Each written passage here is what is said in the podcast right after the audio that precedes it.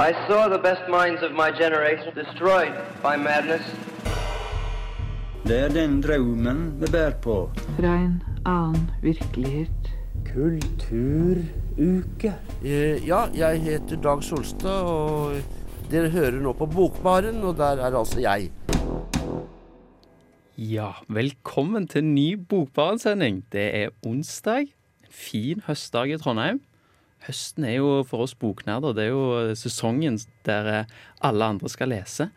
Og det er veldig veldig fint i Trondheim akkurat nå. Og det er fint inne i studio her òg. Eh, Magnus heter jeg. Og i dag har jeg med meg mine faste Bokbaren-venner. Hallo, Ingeborg her. Og jeg er Helle. Hallo, hallo. I dag skal vi snakke om Tove Nilsen. Og spesielt hennes nye bok, 'Den eneste broren', som ble sluppet på høsten i fjor. Eh, vi har til og med vært på et arrangement tidligere denne uka med Tove Nilsen på Litteraturhuset. Og hørt du fortelle om boken. Og så har vi til og med fått lov til å intervjue Tove Nilsen. Det var stas. Ah, Det var så koselig. Ja, det var, det var en skjønn dame. Jeg, jeg ble litt starstruck. Ja, jeg kjente på det samme. Til og med komme inn i sånn fint rom bak der og sitte i sånn ærverdig stue og snakke med. Det var veldig, veldig, veldig stas. Og vi skal vise et opptak som vi tok fra det intervjuet, eh, som skal komme senere i sendingen. Vi skal få lesetips fra selveste Tove Nilsen. Og så skal vi som sagt snakke mye om boken 'Den eneste broren'. Men først så skal vi høre 'Gud av hudkreft'. Eh, Det er Tove Nilsen som har skrevet roman fra Nedre Singsaker, Singsakerbakken, og som endelig nå får være i Trondheim igjen, i Bokbarn. Og det var den første nye jinglen som vi har tatt opp. Det er gøy. Det er veldig stas. Veldig stas. Og hun snakket jo om Nedre Singsakerbakken. Grunnen til at du tok opp det, er jo at vi nå befinner oss i studio på Nedre Singsakerbakken, og boken 'Den eneste broren', den, eh, der bor hovedkarakteren i Nedre Singsakerbakken. Og Torvin Lisen har sjøl familie i Nedre Singsakerbakken, så her eh, er det mye tilknytning til der vi står. Men det er jo ikke sikkert alle vet hvem Tove Nilsen er. Nei, det er jo ikke det. Nei, Så kanskje du forteller oss litt, eh, litt om Tove Nilsen, eh, Helle? Ja, du Jeg har gjort litt research, da, og Tove Nilsen er jo lett sagt en av Norges mer aktive forfattere. Hun hadde jo sin debut i 1974 med 'Aldri la dem kle deg forsvarsløst naken'. Ehm, og hun har jo i tillegg til å ha vært forfatter i mange mange år, så har hun også vært litteraturkritiker for Dagbladet. Eh, og hun er kanskje mest kjent for Skyskraperengler-triologien sin. Eh, men til sammen så har hun da publisert godt over 40 bøker, eh, som jeg syns er ganske imponerende. Ja, Det er heftig mange bøker. Ja, Men da skriver hun altså både skjønnlitterært og prosa, og i 2011 så vant hun Amalie Skram-prisen. Eh, og hun bærer jo med seg preget av at debuten hennes skjedde på 70-tallet under den andre feministbølgen. Eh, og der har hun sagt selv at hun vil være en forteller som utfordrer. Og hun tar ofte for seg sånne annerledes narrativer. For eksempel Helle og Vera, en lesbisk romanse hun skrev for mange mange år siden. Og Den svarte gryte er jo en bok som hun skrev om eh, innvandrere sine forhold her i Norge. Eh, og hun er mest kjent for eh, ganske reflekterende hovedpersoner og aktiv miljøskildring. Og i eh, den eh, nyeste broren sin, den, boka si, 'Den eneste broren', der har hun altså, altså bryter hun skillet mellom fiksjon og virkelighet eh, på en ganske unik måte, som skildrer da Trondheim under andre verdenskrig. Ja. Eh, og det er vel noe som hun har holdt på med litt gjennom hele forfatterskapet, dette her å bevege seg i grenselandet mellom fiksjon og virkelighet. Ja, det er det. Hun vant altså en pris eh, for eh, skildringene sine av Oslo på 60- og 70-tallet tidligere også. Ja. Så det er jo noe hun er kjent for, da. Det å eh, skildre miljø som folk kjenner, selv om hun plasserer dem i fiksjon, da. ja. Det er litt interessant at det er miljøskildring som blir trukket fram her, fordi i den boken vi har lest, så var kanskje det noe av det jeg syns var litt dårligere kvalitetsmessig. Ja. Var faktisk miljøskildringene. Men eh, hva, hva vet jeg? Hva vet jeg? Men eh, vi har jo lest Den eneste broren, og Ingeborg, du må jo òg fortelle oss litt hva den handler om, da. Ja, jeg tenkte jeg skulle gi en liten synopsis, for det er jo ikke sånn at eh, alle leserne våre har lest den, kanskje. Og som Helle allerede har vært inne på, så er det en sånn eh, roman som grenser mellom det fiktive og det virkelige. Og det er rett og slett fordi at bakteppet er virkelig. Det handler om ekte mennesker, og det er satt i Trondheim under andre verdenskrig. Og basert på faktiske hendelser. Og Tove Nilsen sa jo det selv, at hun har brukt veldig mye arkiver og politirapporter og sånn for å sette sammen boka. Men som forfatteren var veldig eh, på, Som hun påpekte veldig, da, hun ønska å understreke, så er veldig mye av det som skjer, fiktivt. For hun vet ikke så mye om livet til onkelen sin, da, Leif Jacobsen, som han heter. Så mesteparten av handlingen i boka den er fiktiv. Og handlingen den utspiller seg i den eh, tidsrommet fra Leif, da, hovedkarakteren, er eh, 17 til han blir 19 år. Og um, han bor i Trondheim, i noe som heter Damegården. Nederst i Singsakerbakken, her hvor vi står nå. eh, sammen med sin mormor, mor og tre søstre. Så livet hans det er prega av kvinner. Han er omgitt av kvinner overalt. Og så er det jo også det her med en fraværende far. For Leif han kommer fra en fiskerfamilie. Morfaren hans er eh, fisker, og faren er matros. Og tilværelsen til Leif er veldig prega av at faren hele tiden reiser vekk og er borte i lengre perioder. Og han søker veldig, søker veldig forhold til sin egen far, opplever jeg da. Og så får vi følge Leif mens han egentlig lever et ganske hverdagslig liv. Boka tar for seg eh, hverdagshendelser. Hvordan han spankulerer rundt i Trondheims gater. Vi er mye i Nidarosdomen, hvor han søker tilflukt med tankene sine. og Det er på en måte det eneste stedet han kommer vekk fra denne høneflokken av kvinner. da. Som det- jeg kan kjenne meg igjen i, og søke tilflukt i Nidarosdomen. Men det er vel mildt sagt ikke hverdagslige hendelser som foregår eh, på rammene rundt. Og det er jo en dramatisk tid han eh, lever i. Ja, det er sant. Fordi etter hvert da som vi kommer litt inn i Leifs univers med bl.a. og drømmen om jobb i sykkelverksted og Nidarosdomen og søstre og matlaging og ved vedbæring, så skjønner vi at eh, bakteppet her, det er at det er krig i Europa. Mm. Europa står i flammer, som det står i et brev som han får av en kompis. Og etter hvert så begynner det her mentaliteten å prege Leifs hverdag mer og mer. Eh, og han lurer litt på hvor hans posisjon i det hele er. Og han er en ganske usikker eh, gutt akkurat der. Han føler nok at han må ta ansvar på en eller annen måte, men hva skal han gjøre? Hva, hva er hans rolle i denne tiden?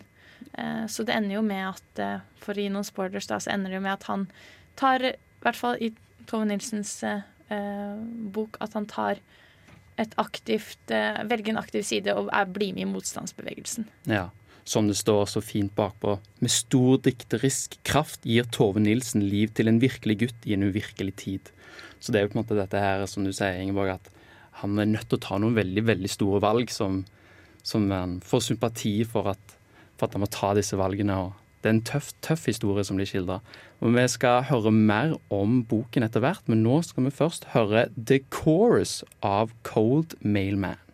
Men du hører på Radio Revolt her i Trondheim, studentbyen. Ja, vi befinner oss i, befinner oss i Trondheim, studentbyen. Det er der òg Leif Jacobsen befinner seg. Eh, og rett rundt starten av første verden, nei, andre verdenskrig. Beklager. Eh, og nå har vi forklart kort hva boken handler om. Eh, men som jeg fortalte i starten, så har vi òg intervjua Tove Nilsen. Så det kan jo være ganske spennende å høre hva hun har å si om boken. Så jeg tenker vi egentlig bare går over til første del av intervju med Tove Nilsen. Du sa jo det at dette er noe du har tenkt på lenge, og det har vært med deg hele ditt skrivende liv. Eh, og så lurte vi på om er det noen, og hvis det er noen utløsende faktor, hva var det? Det er ingen bestemt hendelse, men det er at jeg har visst Sånn tror jeg mange forfattere har det.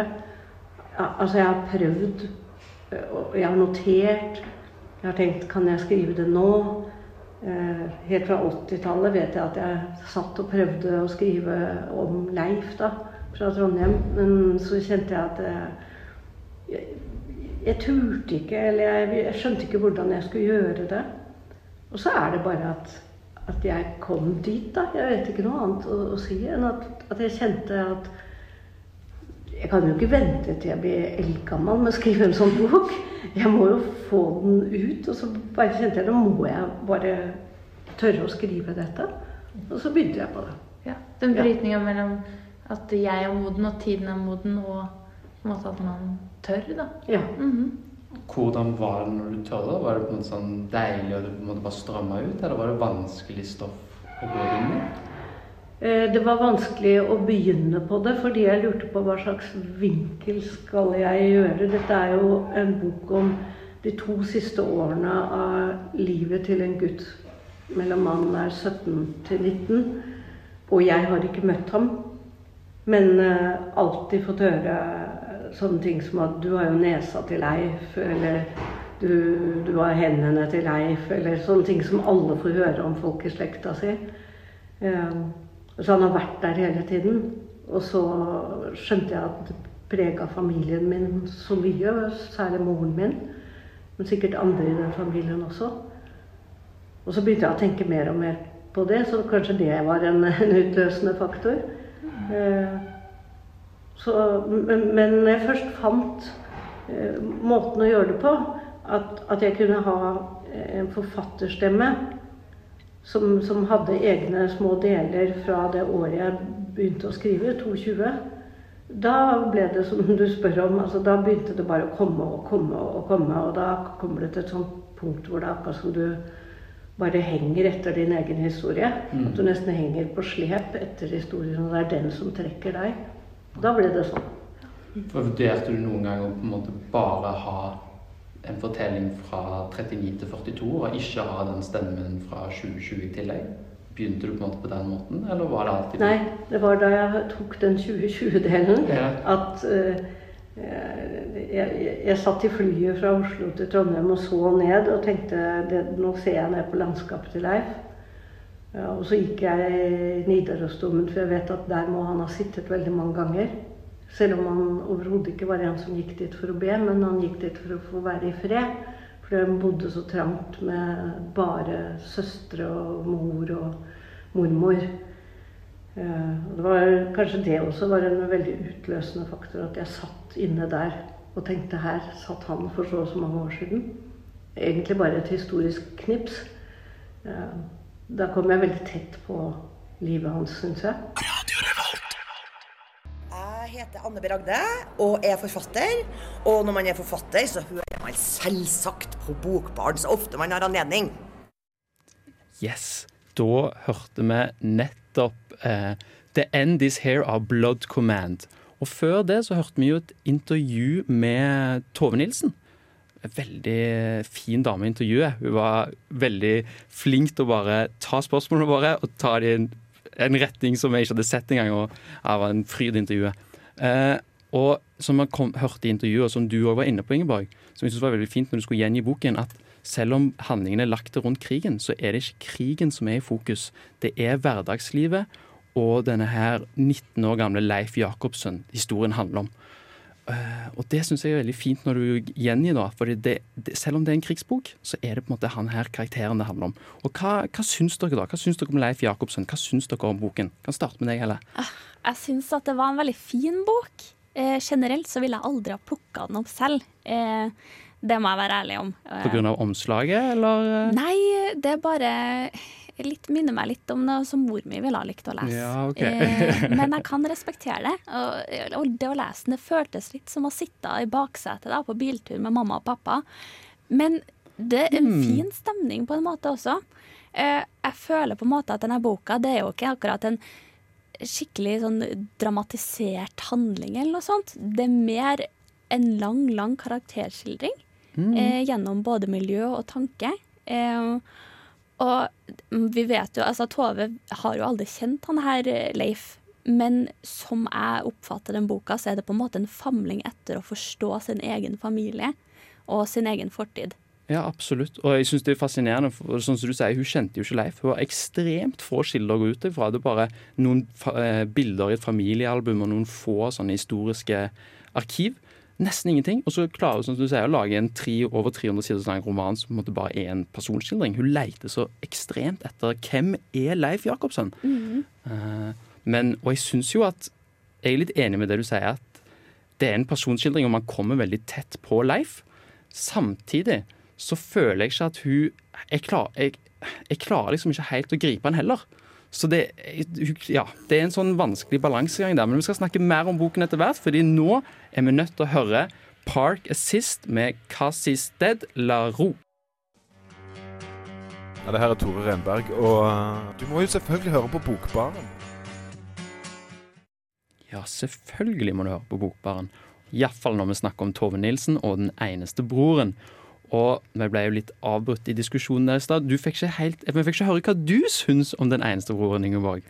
Nei, eh, og i, det jeg skulle si, var egentlig det passa litt med innledninga di der med at eh, vi fokuserer egentlig ikke så mye på krig. Det er sånn ulmende i bakgrunnen hele tiden, men det er det hverdagslivet som skildres. Og det er akkurat det som gjør fortellingen sterk, fordi da vet du hva som står på spill for karakteren.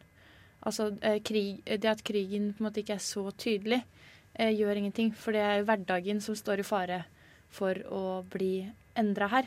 Og jeg syns egentlig det var en veldig sånn sterkt, fint grep hun gjorde, da. Ved å eh, liksom gi oss så mye av Leifs liv. Ja, og sånn som du sier at når hverdagen er i fokus, men knytta inn i en krigssetting, så syns jeg òg det var en fin måte å egentlig få fram realiteten i hva det er å, å, leve under en krig. da. For det er bare sånne små hverdagsdetaljer, som å f.eks. ringe på døra litt ute i krigen. Før var det kanskje mora som gikk og åpna, mens nå er det åpenbart at det er Leif som må gå og åpne siden han er mannen i huset. Så på en måte det her å sette og fokusere på hverdagen og egentlig legge krigen litt i skyggen, samtidig så er på en måte krigen overhengende hele tiden, så man, man glemmer ikke at det er der. på en måte. Ja, og jeg likte egentlig det veldig godt med boka. Jeg har ikke lest så mye sånn krigsromaner, og det var jo noe Tove Nilsen snakka om når vi møtte henne, at eh, hun ville ikke bare fortelle en sånn krigsheltehistorie som man har hørt tusen ganger før, for det har man jo. Og ja, jeg har sett Makts manus og litt sånne ting, eh, og det er jo bra, det, men det her var liksom noe helt annet. Og det var egentlig det jeg likte godt med boka. Ja, og jeg syns det er ekstra ja. stilig at du gjør det sånn, fordi det er utgangspunktet. Sant? At du har en gammel slektning som døde i motstandskampen. Det er jo veldig tilrettelagt for å gå inn i det heltenarrativet. Mm. Men hun bare velger å gjøre noe helt annet. Hun lykkes egentlig veldig godt med det. Ja, hun sa jo selv det at uh, hun har vokst opp ikke bare med å liksom høre de her heltehistoriene uh, på hverdagen, men også på skolen. Og det er jo kanskje det at man kanskje tar det litt ut av kontekst når at man bare setter et heltenarrativ alene, heller enn å også skildre hverdagen som de har å miste. Mm. Absolutt. Det er kanskje det jeg savner veldig mye med sånn krigslitteratur som kommer nå, da. Ja, og i motsetning til deg, da har jeg hatt den boka på lista mi en stund. Eh, for jeg syns Tove Nilsen er en spennende forfatter. Ikke at jeg har lest så mye av henne før, men jeg har bl.a. lest en som heter 'Sommer 2005'. Og både der og her og i et par andre småting jeg har skrevet av Tove Nilsen, så er hun veldig sånn sanselig i sitt mm. forfatterskap. Hun er veldig beskrivende og beskriver stemninger og Eh, er en veldig sånn Eros-forfatter, hvis det går an til å si det på den måten. Det syns jeg på en måte hun har her òg, og det er det som gjør at jeg eh, faktisk fullfører en roman på 300 sider som handler om andre verdenskrig. For det er egentlig ikke et tema jeg er kjempeengasjert i, da. Nei. Men det som du sier, i starten opplevde jeg jo hun veldig For jeg har ikke lest noe av Tove Nilsen før. Så var det sånn, Du merker at det er en sanselig forfatter. Hun bare har ofte sånne lange remser med sånne veldig klare bilder for å få fram stemninger og følelser og sanser i skildringene sine. Jeg tenkte ja, det var Veldig flott, veldig bra gjort. Men etter hvert så syns jeg det, hun drar det så langt ut at hvis jeg skal ta Tove Nilsen på noe i denne boken, så syns jeg hun blir rett og slett for ordrik av og til. Det blir utsvevende sånn sånn, Vær litt mer presis, kom litt mer til poenget, syns jeg. til ja, tider. Jeg føler Jeg henger med på det du tenker der men samtidig så er det hele romanen henger sammen i en undring som hun tar for seg. Eh, det er ikke liksom et direkte skildring av en person som hun kjenner. Det er en direkte skildring av noe hun tenker seg åssen ting kan være. Mm. Og da er det For meg så var det veldig fint egentlig å se hva hun kunne tenke å finne opp og liksom ta for seg at hva som kun har skjedd eh, i en undrende måte, da. Ja, jeg syns at det var veldig fine karakteristikker. Altså, det er noen romankarakterer her som bare er sånn Ståle! ja, de er, bare, de er tatt på strå, eller tatt på kornet så, så, til de grader. Blant annet Ståle, som Magnus sier, som er da mormoren til eh, Leif. Men det er, og det, vi kjenner oss veldig mye igjen i sånne steder hun besøker i Trondheim. Nidelva Domen. Og vi bor i Trondheim vet hvordan eh, Trondheim ser ut. Så hvis jeg skal komme med en kritikk, så er det selv om vi er på disse faste stedene, så blir det litt sånn hvitt rom, resten av hva som skjer. Det- Jeg syns egentlig at miljøskildringene ikke er så til stede, Mm. selv om det på en måte nevnes de her kjente stedene som man vet hvordan ser ut. Jeg er enig. Sant? Det, det hun klarer ikke å skape en sånn Jeg klarer ikke helt leve meg inn i det rommet hun skaper. Da. Det blir sånn hvitt rom, som du sier. Eh, og vi skal snakke mer om boken etter hvert, men nå må vi først høre en låt. Da skal vi høre 'Lesson the Damage' av Poppy. Hei, du lytter til Jens Blindstrup fra Danmark, og nå skal du høre Bogbaren. Uh! Og før du hørte på Jens Blindstrup fra Danmark, så hørte du 'Jeg blir så dum' av Brenn. Og vi er da i Bokbaren og snakker om Tove Nilsen. Og i pausen her så snakket vi litt om at vi har eh, lest denne boken, eller lest eller lytta til boken på, i ulike medier. Både meg og deg, Ingeborg, har jo hørt den på lydbok. Og jeg har bladd litt i boken òg, men lydbok primært. Og du har lest boken, Helle. Nei, jeg har også hørt den på lydbok. Du har òg hørt den på lydbok? Det har jeg. Ah, OK. Ja vel, da har jeg misforstått. Men uh, at det kan ha noe med opplevelsen vår, sånn, med dette hvite rommet som vi snakket om, at hun klarer liksom ikke å skape en sånn verden som man trer inn i. Er det fordi vi ikke sitter med papirene foran oss og hører det gjennom ørene? Tror dere det? Jeg har en liten mistanke om det, og det skal sies at jeg er en stor sånn forkjemper for lydbok. Mener ikke at det er noe ukultur eller lavkultur, egentlig, sånn i forhold til å lese bestandig. Men det er noe med når du har boka foran deg, så jeg føler at det krever en større, eh, større konsentrasjon. Eh, fordi du må jo lese. Mens du sitter og hører på lydbok, så kan du kanskje la øynene vandre, eller du støvsuger mens du driver på, eller gjør et eller annet sånt. Så jeg tror kanskje det her hvite rommet som jeg opplever, hadde vært eh, litt mer fargerikt hvis jeg hadde lest. Ja. Ja, jeg tror fort også at det litterære bildet kan bli mer tydelig når man leser det. Men jeg har jo litt mer erfaring med lydbok eh, som medie. Det er jo mitt eh, ofte foretrukket medie. Ja. Eh, og helt ærlig så hadde ikke jeg noe problem med at jeg ikke så for meg ting og sånt. Men det tror jeg kan ha med åssen hjernen min fungerer å gjøre. Kanskje. Og kanskje lydbok er en treningssak, rett og slett. Og du hadde jo litt interessant lydbokopplevelse, Ingeborg, med at veldig mye av, eh, som har snakket om, veldig mye av boken handler om domen, Nidarosdomen. Og du satt på jobb i Nidarosdomen og hørte på, på lydbok. Det er jo litt spennende. Ja. Ja, ja jeg kjente meg, kjente meg igjen Leif eh, flere ganger der. Og det var jo egentlig veldig fint, da. Så sånn sett så hadde jo nok jeg en veldig bra lydbokopplevelse. Altså. Det, var, det var ikke det. Jeg likte, jeg likte det veldig godt. Ja, og mens vi er inne på det, så må vi jo bare si at det Leif gjør i boken, det er at han går til Nidarosdomen, som Ingeborg snakket om, og får fred. da. Og så sitter han der og kanskje skriver litt for seg sjøl og bare tenker. Jeg fikk helt lyst til å gå ned i Nidarosdomen og sette meg på benkene der sjøl, for det hørtes veldig fredelig ut. Eh, men det får bli en annen dag. Nå, som jeg sa tidligere, så var det del én av intervjuet vi hørte tidligere i sendingen. Vi har nemlig ganske mye materiale vi snakket med Tove Nilsen om, så nå tenkte jeg vi skulle gå videre og høre andre del av intervjuet med Tove Nilsen. For dette stoffet her, det har jeg jo alltid visst. At dette er jo eh, En forfatter kan ikke la være å holde seg unna det stoffet. Ikke bare fordi det er dramatisk, og fordi det tilhører nært i min familie. Men det er jo et stoff som, som ikke handler om én enkelt familie. Det er et stoff som handler om den norske historie, eller den europeiske historie, og krig.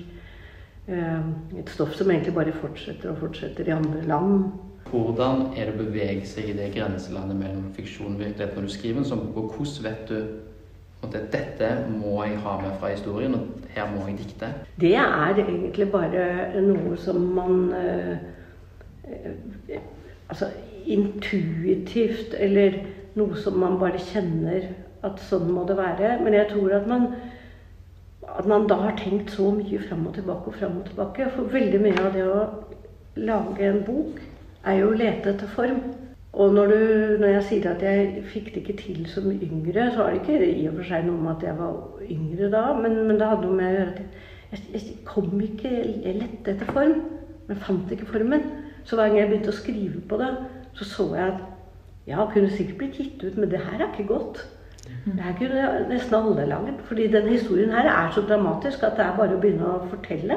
Så det er, det er når du finner en form, at alt begynner å løse seg, og, og at ti- ti- ting som du selv har opplevd, og som du tenker at men det her kan jo en gutt ha opplevd for 40 år siden også. Det her kan jo en 17-åring ha opplevd òg. Når, jeg, når det gjorde så inntrykk på meg f.eks. som 17-åring, da kan du ha gjort det på en gutt som levde tidligere. Så jeg tror jo at, at det er noen som sier at alle romaner egentlig er selvbiografier. Det er det jo ikke, men det er noe veldig sant i det. At uh, hvis du ikke kjenner på et tidspunkt at jeg er Leif. Akkurat nå så er jeg Leif. Nå suser jeg utfor en av bakkene på Bakklandet, og jeg er Leif. Hvis ikke du kan kjenne det inni deg, eh, hvor deilig det er å tjuvlåne en sykkel fordi du ikke har råd til sykkel, og sykle langs elva og kjenne at eh, rytmen i sykkelhjulet ligner på flyten i elva Hvis du ikke kan få det der inn Men når du får inn det, da kan man tillate seg den vekslingen mellom det som du vet faktisk skjedde, og det som du tenker Kan ikke dette også ha skjedd, da? Mm. Og veldig mye av det som jeg skriver om ham, er jo ting jeg skulle ønske at han rakk å oppleve.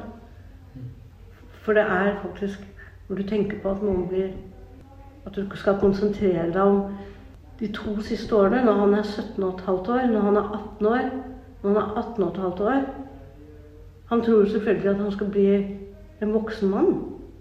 Ikke sant? Han tror han skal oppleve alt det som vi alle vil oppleve når vi er 17 og 18 år. Og det, det er noe av ansvaret mitt når jeg da skriver, at jeg må prøve å fylle det med noe flott. Mm. Ikke sant? Flottheten hans, da. Føler du at du har fått satt et punktum i historien til Leif nå med denne boken, eller Nei. er det mer et semikolon? Det er uh, mer virkelig kolon.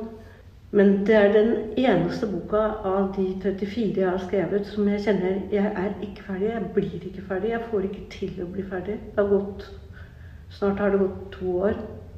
Jeg blir ikke ferdig. Det kverner i hodet fremdeles. Du liker best ved studentradioen? Jeg hører alltid på studentradioen. Der hørte vi da ingenting av svenske tilstander. Og før det så hørte vi andre del av intervjuet med Tove Nilsen.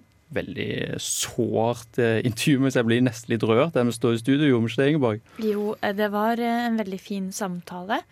Og det er jo veldig modig gjort, da, føler jeg, som forfatter å tørre å skrive den boka. Fordi eh, man har jo har sett eksempler på andre norske forfattere som har skrevet selvbiografisk, hvor det kanskje har vært litt mindre fiksjon, da. Eh, hvor det ikke har blitt så godt mottatt. Men Tove Nilsen sin skildring er på en måte så, som hun sier, så flott at hun, altså, hun har lyst til å liksom hedre mm. det her familiemedlemmet sitt. og Nei, Fyller det, var, det med flottheten, altså? Ja, fylle det med flottheten. Det var bare så vakkert sagt. Og jeg, jeg blir nesten litt sånn bevega når jeg hører intervjuet igjen, da. For jeg syns bare det var en utrolig reflektert eh, dame som eh, jeg, jeg syns har gjort et modig valg da med å skrive den boka. Ja. Enig. Og det jeg syns var også litt interessant som kom fram i intervjuet, var dette her hvordan hun lette etter formen, og det at når hun først hun fant at hun kunne være til stede sammen med Leif på en måte i boken, switche mellom eh, forfatter 2020 og Leif i 19, rundt 1940, at da ble det sånn forløsende, og da bare strømma det ut. Hva syns dere om det grepet der? Syns dere det fungerer å ha på en måte disse to eh, parallellhistoriene i, eh, i, boken? Jeg syns at det funker veldig bra eh, for min del. Fordi at eh, hun har presentert boka med at hun undrer på hvem Leif er generelt. Og eh, på en måte det plasserer hun som en famlende og undrende person som gjør sitt research. og hun rett og slett må bare finne seg i det å tenke og finne på eller å dikte da, hvem Leif faktisk var. Ja, altså som du sier med research, det er kanskje det, det fremste eksempelet synes jeg, i boken på at det grepet funker. Det er når hun har gjort research så gått til arkivene og så har hun funnet dette her skildringen der det står at eh, de fant Leif død, og så står det bare en veldig kort setning i arkivet. Eh, at eh, han hadde usedvanlig små hender til å komme fra en arbeiderfamilie. Og så skriver denne forfatterstemmen fra 2020 om hvor sårt det er å lese det. Og at når hun kan få fram den lille settingen, at det er på en måte sånn et liv blir oppsummert i et arkiv, det er et veldig sterkt grep, syns jeg. Ja, og jeg føler at den her 2020-stemmen er helt nødvendig. Eh, fordi det må tydeliggjøres at det er en viss selvbiografi i boka her. Eh, og jeg tror det, det kunne blitt oppfatta som litt falskt. Eller som at eh, du hadde følt deg kanskje litt lurt hvis man ikke hadde hatt den på en måte avtalen da, med forfatteren som man inngår i første kapittel der. Og da beskriver jo hun også hva som skal skje. Altså, Tove Nilsen oppsummerer jo slutten av romanen helt i begynnelsen. Mm. Så det er jo ikke en spenningsfortelling, det her. Det Nei. er jo en famling som, som eh, Helle sier, da, etter, etter et menneske. Og da får på en måte det menneskelivet ekstra tyngdende når du vet hvordan det går, og så hele tiden følger du hvor livsbejaende det er, og så vet du hvor ille, ille, ille det ender. Ja, det er veldig, veldig sterkt. Men nå må vi gå over til en ny låt, og da skal vi høre 'Hvitt år' av Emilie Duke og Emilie Aasen.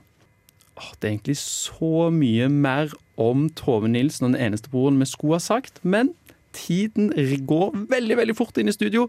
Så istedenfor at vi skal snakke og komme med et lesetips, så skal dere helt til slutt skal dere få lesetips denne uken fra selveste Tove Nilsen. Lesetipset mitt nå, det er uten tvil Maria Navarro Skarangers bok 'Emily Forever'. Roman om unge Emily som eh, er gravid i sjuende måned når vi møter henne, og hun er bare 19 år.